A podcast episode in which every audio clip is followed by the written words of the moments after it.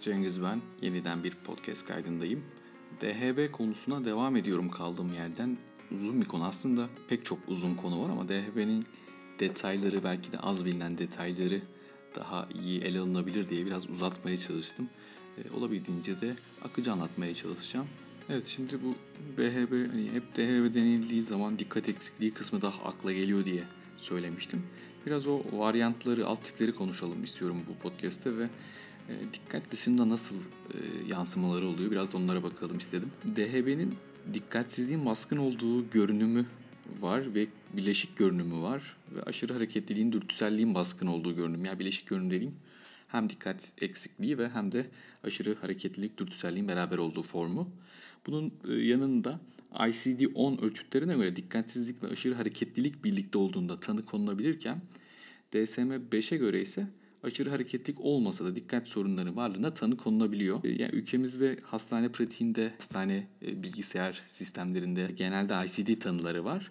Ama DHB konusunda genel olarak DSM ölçütlerinden de faydalandığını söyleyebiliriz. Özellikle çeşitli makalelerde, Türkiye'den çıkan makalelerde. Peki bu dikkat eksikliği dediğimiz şey yani dikkat eksikliği, dikkatin eksik olması mı sadece? Biraz burada e, isimlendirme tabii kısa bir isim verebiliyoruz. Yani bir şeyin başlığını koymak gerçekten bazen bir şeyin bütünüyle literatürünü yazmaktan bile daha zor oluyor.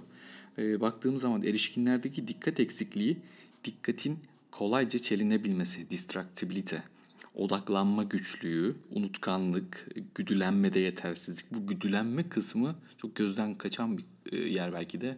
E, DHB'li insanlar çok kolay e, sıkılırlar ya da çok kolay burnout olurlar ya da bir şeyin başlangıcını yapmakta zorlanırlar. Bu çok güçlü motivasyonlara ihtiyaç duyarlar. Çok güçlü ödül, haz sistemlerine ihtiyaç duyarlar. Zaten bu biraz da işte o e, madde kullanım, madde kötüye kullanımının çok fazla komorbid bir durum olmasıyla da ilişkili diye aklımızda tutabiliriz. Yani fazlaca uyarı, uyarıcıya, güçlü bir e, hedefe, ödüle ihtiyaç duydukları için e, madde kullanımına bir yatkınlık ne yazık ki oluyor. Yine dağınıklık, dikkatsizce hatalar yapma ve zaman yönetiminde sorunlar gibi ortaya çıkan pek çok durum var. E, yine erişkinlerde dürtüsellik ise sabırsızlık, acelecilik, plan yapma ve uygulamada sorunlar, yürütücü işlevlerde sorunlar bu executive functions dediğimiz özellikle yanıt ketlemesindeki yetersizlik, yine irritabilite, dürtüsel harcamalar şeklinde kendisini gösterebilir. Pek çok ruhsal rahatsızlığın da böyle bir e, nasıl diyeyim bir taklidini de yapıyormuş gibi bir yandan. O yüzden gerçekten erişkin dönemde DHB olduğuna pek inanmazsanız pek çok farklı psikiyatrik rahatsızlığa gidersiniz ve belki de bu işleri daha da karmaşık bir hale getirebilir. Özellikle yani bu insanlar e, çocukluğundan beri DHB belirtilerine bağlı sorun yaşamışlarsa erişkinlikte başa çıkmak için bazı telafi mekanizmaları geliştirebiliyorlar. Yani biraz onu kompanse etmeyi öğreniyorlar. Tabii yani sadece dikkat eksikliği, işte aşırı hareketlilik, dürtüsellikle sınırlı değil bu DHB'nin sorunları. Plan yapma, işte odaklanma, bellek, çaba gösterme, motivasyon, duygu ve davranışları düzenleme sorunları da yine ne yazık ki bulunuyor. DHB'li yetişkinlerde çeşitli nöropsikolojik testler yapıldığı zaman dikkatin sürdürülmesi, çalışma belleği, sözel akıcılık, öğrenme, yanıt inhibisyonu, ödüle bağlı güdülenme ve işlem hızı sorunları bulunuyor. Bu Öncü'nün 2008-2016'daki makalelerinden e, Türkçü bir yazarın makalelerinden söyleyebileceğim şeyler. Şimdi bu DHB tanısının DSM-5'e kadar çocukluğa özgün bir tanı olduğunu e, söylemiştim. E, DSM-4'te tanısı ilk olarak bebeklik, çocukluk ve ergenlikte konulan bozukluklar başlığı altında yer aldığı için bu yaşam döngüsü içerisindeki, içerisindeki o devamlılığı tanımayı biraz zorlaştırmıştır. Yine DHB'ye özgü en azından bazı belirtilerin 7 yaşından önceki gözlenmesi ölçütünün erişkin ergen hastalara tanı koyulmasını zorlaştırdığını e, söyleyebiliriz. Son DSM-5'te yine 12 yaşta önce başlaması gibi bir şey var. Yani bu 7 ve 12 yaş seçimiyle ilgili herhangi bir kanıt yok. Yani bu yaşlar gerçekten nasıl konuldu buna dair bir veri yok ellerimizde. Şunu iddia eden yazarlar var. Özellikle 7 yaşın işte ilkokula başlama yaşları olduğu söyleniyor. Yani ilkokula başlama yaşı 7 e, yaş e, genelde böyle bir kompansasyonu bozan bir şey olabilir. Çocuk yeni bir ortama adapte olmakta zorluk çekince okula gitmekle ilgili, devam etmekle ilgili, dersleri dinlemek, anlamakla ilgili problemler yaşayabilir diye söyleniyor. Yine 12 yaşı da böyle bir ergenliğe giriş böyle bir ortaokul belki okulun bir tekrar ortamının değişmesi ve tekrar kompansasyonun bozulması gibi ele alabiliriz. Bu 7 yaş meselesi herhalde yani şöyle bir mesela okula başlama yaşının 7 yaş olarak konulması o kadar tesadüf olmayabilir. Yani bir çocuğun e, işte 40 dakikalık bir dersi dinleyebilecek kadar büyümesi ve e, bir şekilde o dersin içinde kalabilmesi. Yani mümkün değil bütünüyle kalması elbette ama o sürdürülebilirliği sağlaması adına işte bu ilkokula başlama yaşının belki de 7 olarak belirlenmesi herhalde çok büyük çalışmaların sonunda olmuştur diye düşünüyorum. Peki bu DHB diyelim ki çocuklukta başladı. Ee, ergenlikte %60-80 arasında neredeyse devam ediyor. Erişkinlikte de %40-60 gibi rakamlar var. Barclay'in 2015 çalışmasında yani yarısında devam ediyor diye söyleyebiliriz. Erişkinlerin DHB tanısı için eşik altı görünümlerde bile işlevsellik etkilenebiliyor. Yani tanıyı almıyor. E, tanılacak kadar belirtisi yok ama bazı traitler var. Zaten bu eşik altı belirtiler pek çok psikiyatrik rahatsızlık için oldukça e, zorlayıcı bir şey. Yani tanı koyamıyorsunuz ama e, hastanın bundan zarar gördüğünü görüyorsunuz. E, tedavi başlayamıyorsunuz guide'e göre yani guideline'a göre. E, ama ne yapalım falan filan diye hep düşünürüz yani. Böyle daha işte transdiagnostik yaklaşımlar yani tanıyı e, biraz daha geriye bırakıp hastanın problemlerine odaklanmalı yaklaşımlar herhalde burada oldukça fayda gösterir diye düşünüyorum. Peki bu DHB olgularının, bu DHB'li insanların böyle bir geçmişlerine bakalım. Özellikle bebeklikten itibaren zor mizaç özellikleri, aktivite düzeyinin artma, çelinebilirlik, artmış emosyonel tepkisellik ve kendilik düzenleme sorunlarıyla biraz kendilerini yani bu şekilde sorunlarını gösterebilirler. Yine hiperaktivite ve dürtüselliğin belirtileri daha erken çocuklukta ortaya çıkabilir. Akademik beklentilerin eklenmesiyle işte okula başlayan çocuk hele şu çağımızı düşünürsek bu işte biraz daha böyle rekabetin kızıştığı işte teok annelerinin olduğu yaşları düşünürsek iyice böyle bir ebeveynlerle ilişkiler bozulmaya, iletişim sorunları ortaya çıkmaya, bir şekilde evin huzurunu da bozan bir hastalığa dönüşüyor. Yine motor aşırı hareketlilik yaşla birlikte azalıyor belki ama yani yaş büyüdükçe bu işte yerinde duramayan bir çocuk e, işte onu biraz dizginliyor büyüdüğü zaman ama yerini içsel bir huzursuzluğa bırakıyor. Ve daha çok amaca yönelik bir hale geliyor bu işte motor aşırı hareketlilik isteği. Vic, Vic Nelson 2009'daki e, makalesinde bunu böyle söylüyor. Yani çocuklarda oluşan klinik örnek, örneklemlerde DHB bozukluğuna diğer bozukluklar %80'e varan oranda eşlik edebilir diye yine söylemiş çalışmalar. Peki Türkiye'de özellikle e, DHB hmm, Türkiye'de biraz daha geç açıkçası e, ülke topraklarına girdi diyebilirim. Özellikle pek çok e, Türk psikiyatrisi biraz DHB konusunda önyargıları hala devam etmekte. Yani baktığınız zaman akademik programlara ya da bir kongre listesine baktığınız zaman DHB konusu o kadar fazla yer almaz. Daha böyle bir çocukçuların alanıdır gibi. Ya da bir DHB dersini e, erişkin psikiyatrisi anlatmaz da çocuk psikiyatrisi anlatır. Sanki yani erişkinliğin böyle bir derdi yoktur gibi ya da diğer büyük dertlerin arasında kaybolmuş gibi davranırız. Ülkemizde yürütülmüş bir çalışmada DHB'si yani DHB bulunan erişkin olguların psikiyatri polikliniklerine özellikle iritabilite ve depresif yakınmalarla başvurdukları gösterilmiş. Sıklıkla majör depresif bozukluk tanısı ya da distimi tanıları alabildikleri gösterilmiş. Yani işte DHB tanısını pek aklımıza getirmezsek iş daha da karmaşık bir hal alabiliyor diye bu çalışmayı söylemek istedim. Şimdi tedavi kısmını e, ayrı bir podcast yapacağım ama şunları bir vurgulamak istiyorum. Özellikle DHB'de tanı konsa ve tedavi edilse dahi özellikle erişkin grup için söylüyorum. Bu güdülenmeyi sağlama ve tedaviyi uyumlu bir halde yürütme işi oldukça zor. O kısımlar çok zor. Yani onlara dikkat etmek önemli. DHB'nin böyle hani çocukluk döneminde tedavisi nispeten kolay. Yani çocuklar nispeten daha uyumlular. Yani okul e, çağı çocukları başlangıç en azından ya da okul öncesi çocukları. Ama ergenlik dönemi çok zor tedavi etmek açısından. Uyum çok zor. Yani e, özellikle ergenlikte ergenlikle birlikte gelen o yenilmezlik hissi ve bana bir şey olmaz hissi tedavi uyumu azaltabilir. Burada tabii ailelerle işbirliği yapmak çok önemli. Yani bu işte okul döneminde işte sınavdan yetersiz notlar, ödev yapamamak, verilen işleri umursamamak ve kötü yazmak özellikle. Kötü yazmak kısmı bence çok önemli kötü yazma kısmı. Çünkü e, yani bir çocuk e, kötü yazıyorsa e, ve bu her zaman tabii ki yani insanın ne bileyim bunun bile belki genetiği vardır kötü yazma geni falan filan.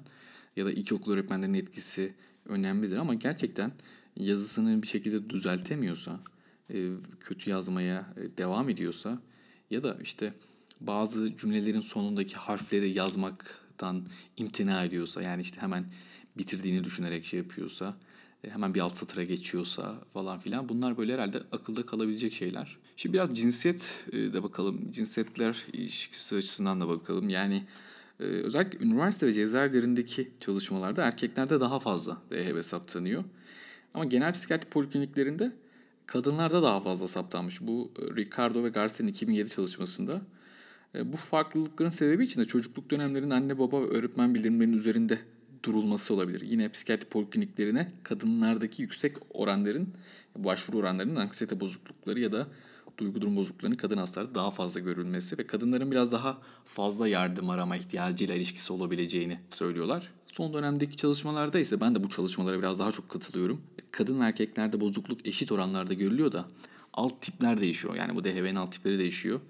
Ee, özellikle kız çocuklarda dikkat eksikliği e, tipinin ön plana çıktığını e, söylerken erkeklerde biraz daha hiperaktivite ve agresyon e, işte o davranışı bozan alt tip ön plana çıkıyor ve biraz daha belki de erkeklerde dikkat çekmesi işte daha böyle nasıl diyeyim o motor hareketliliğe yansıması insanların dikkatini daha çok çekiyor ve bu belki de erkeklerde biraz daha fazla görülüyormuş algısı yaratabilir. Yine okul öncesi çocuklarda en sık görülen alt tip hiperaktif dürtüsel tip. Yani zaten okul öncesi çocukta dikkatini vermesini istediğimiz pek bir işlem olmadığı için e, orada o, o, tabii ki motor aktivitenin artışı belki de dikkat çekecek.